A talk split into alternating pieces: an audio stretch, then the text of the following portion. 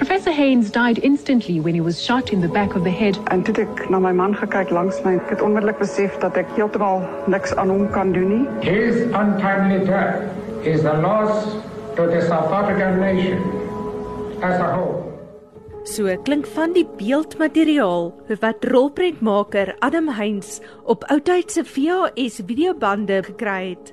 Elke videoband het 'n stukkie van die legkaart en dit was sy taak om die legkaart te bou en sodoende die storie van sy oupa, professor Johan Heinz, in die vorm van 'n dokumentêre film te vertel. Om feature films stories te skryf kos so baie geld en so sukkel om vervaardigers te oortuig om geld te gee om een van iets kuns of wat ook al. Dis ek net so ag, dat dit like kom ek net 'n dokumentary en dit waar ek net in my persoonlike family is gaan. So, ah, ek dink dit is ook net so die politieke klimaat op die oomblik. Ons word geleer dat die kolonialiste wit man is basically die duivel. so, dis nie 'n wonder dat so selfhaat het en so so confused is oor die storie en so ek sê net is alright kom ons start it out but it is a bit one of the reasons my is my story it is a big deal en meer footage ek kry hoe helder die prentjie geword ja dis nou gedoen Monitor het self destyds berig oor die koelbloedige moord op Johan Heinz en het onder meer met Adam se oom Dirk 'n onderhoud gevoer. Ons familie is geweldig geskok. Dis 'n groot tragedie. My pa was 'n kerkman gewees. Hy het sy hele lewe aan die kerk gewy. Die enigste troos wat ons het is dat ons weet hy is ook nou by sy hemelse Vader en ons hoop dat die moordenaar mag vrede vind vir die daad wat hy gepleeg het. Maar hoe voel dit as jy nou na al hierdie jare weer eens daarmee gekonfronteer word? Adam was maar 7 jaar oud toe sy oupa oorlede is.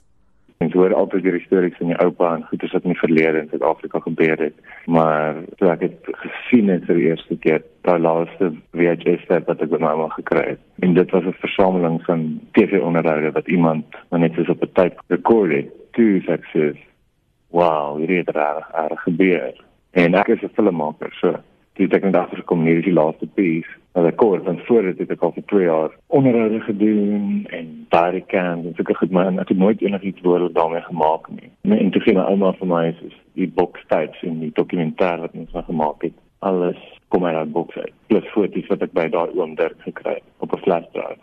En in hierdie soeke, het jy antwoorde gevind of is daar nou net meer vrae? Ek het baie antwoorde gevind. Ja, ek dink dat ek meer antwoorde gevind het as vrae gekry het. En dit gebeur nie baie nie. Jy weet, ek voel ek het dit nou tot verhaal gekom. En ek het nou 'n klomp ander projekte wat ek nou in beweeg aan het en vir my en dit vrede maak met die verlede te bedink. Ek kan dit oor dit. Hoe verwerk 'n mens al hierdie emosies en gevoelens? Ehm, um, dit is just going and quite from vaulting ambition to crippling self-doubt. Ek dink dit was Shakespeare of in Night Cats ek het met super baie entoesiasme begin en almal het dit ondersteun. Ek ek dink ek het ooit iemand teëgekom wat gesê het dalk moet ek dit nie doen. So ek is vreeslik gemotiveerd om te maak in die begin en dan gebeur die lewe man. Dan ontmoet jy 'n vrou en dan verloor jy 'n mens en dan moet jy hier betaal en dan moet jy ander films maak en moet jy trek en dan moet jy samekom van goed maar hierdie iets so swaar by my kop gaan. Ek kon dit nie finish nie en jy weet al eyes on me want die hele familie is so vreeslik ondersteunend maar as ek nou die steun verloor en, en hulle het ook belang daarin dan het ek gevoel dat dit almal teleurstel ja dit trek ek nou Kaap toe in die begin van die jaar en belang in die pastorie waar my oupa gebly het en waar my pa groot geword het op 'n baie serendipitous baie toevallige manier en die huidige dominee sy sien ons ook 'n filmmaker. Dit is koppe bietjie by mekaar en ons skiet 'n cinematic deel. Ja, ek het dit gebruik in die einde hier so met met 'n laaste shot te kry en dit te finaliseer. Wat het jy in jou ondersoek gevind? Presies wat het gebeur? Wil jy net praat oor die oor die violence? Kom ons begin by die agtergrond wat jy dink daartoe aanleiding gegee het. Wel ja, dit is waarin ek belangsaam te praat. Ek dink my oupa word heeltyd onthou vir sy dood en nie vir sy lewe nie. Dit is nogal unfair. Ek het so baie geleer hoe om groot te word, om groot mens te word. En hierdie stem van die verlede van die kerk, van westerse waardes, maar in 'n tricky plek in Suid-Afrika in die laat 80s. Hierso kom 'n ou man van binne die stelsel en En sê hier is dalk moet ons net herkyk wat hier aangaan want dit voel nie meer vir my reg nie. Ek voel bietjie siek. This huge experiment called apartheid has turned out to be a failure. The single most important challenge is to reconcile white fear and black aspirations. En dan daardie spooke van die verlede te moet breek aan al die vriende dat die manier hoe jy lewe is nie moreel nie. Dit is 'n morele probleem.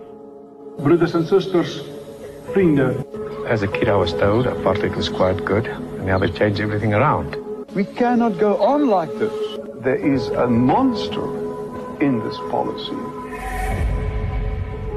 Dit is vir my nogal cool eh, om te sien hoe ver ons gekom het van dan af tot nou toe en dit was vir my net so 'n venster tot in ons land se traumatiese traumatiese geskiedenis. En dit was nou my, want dit is nou oupa.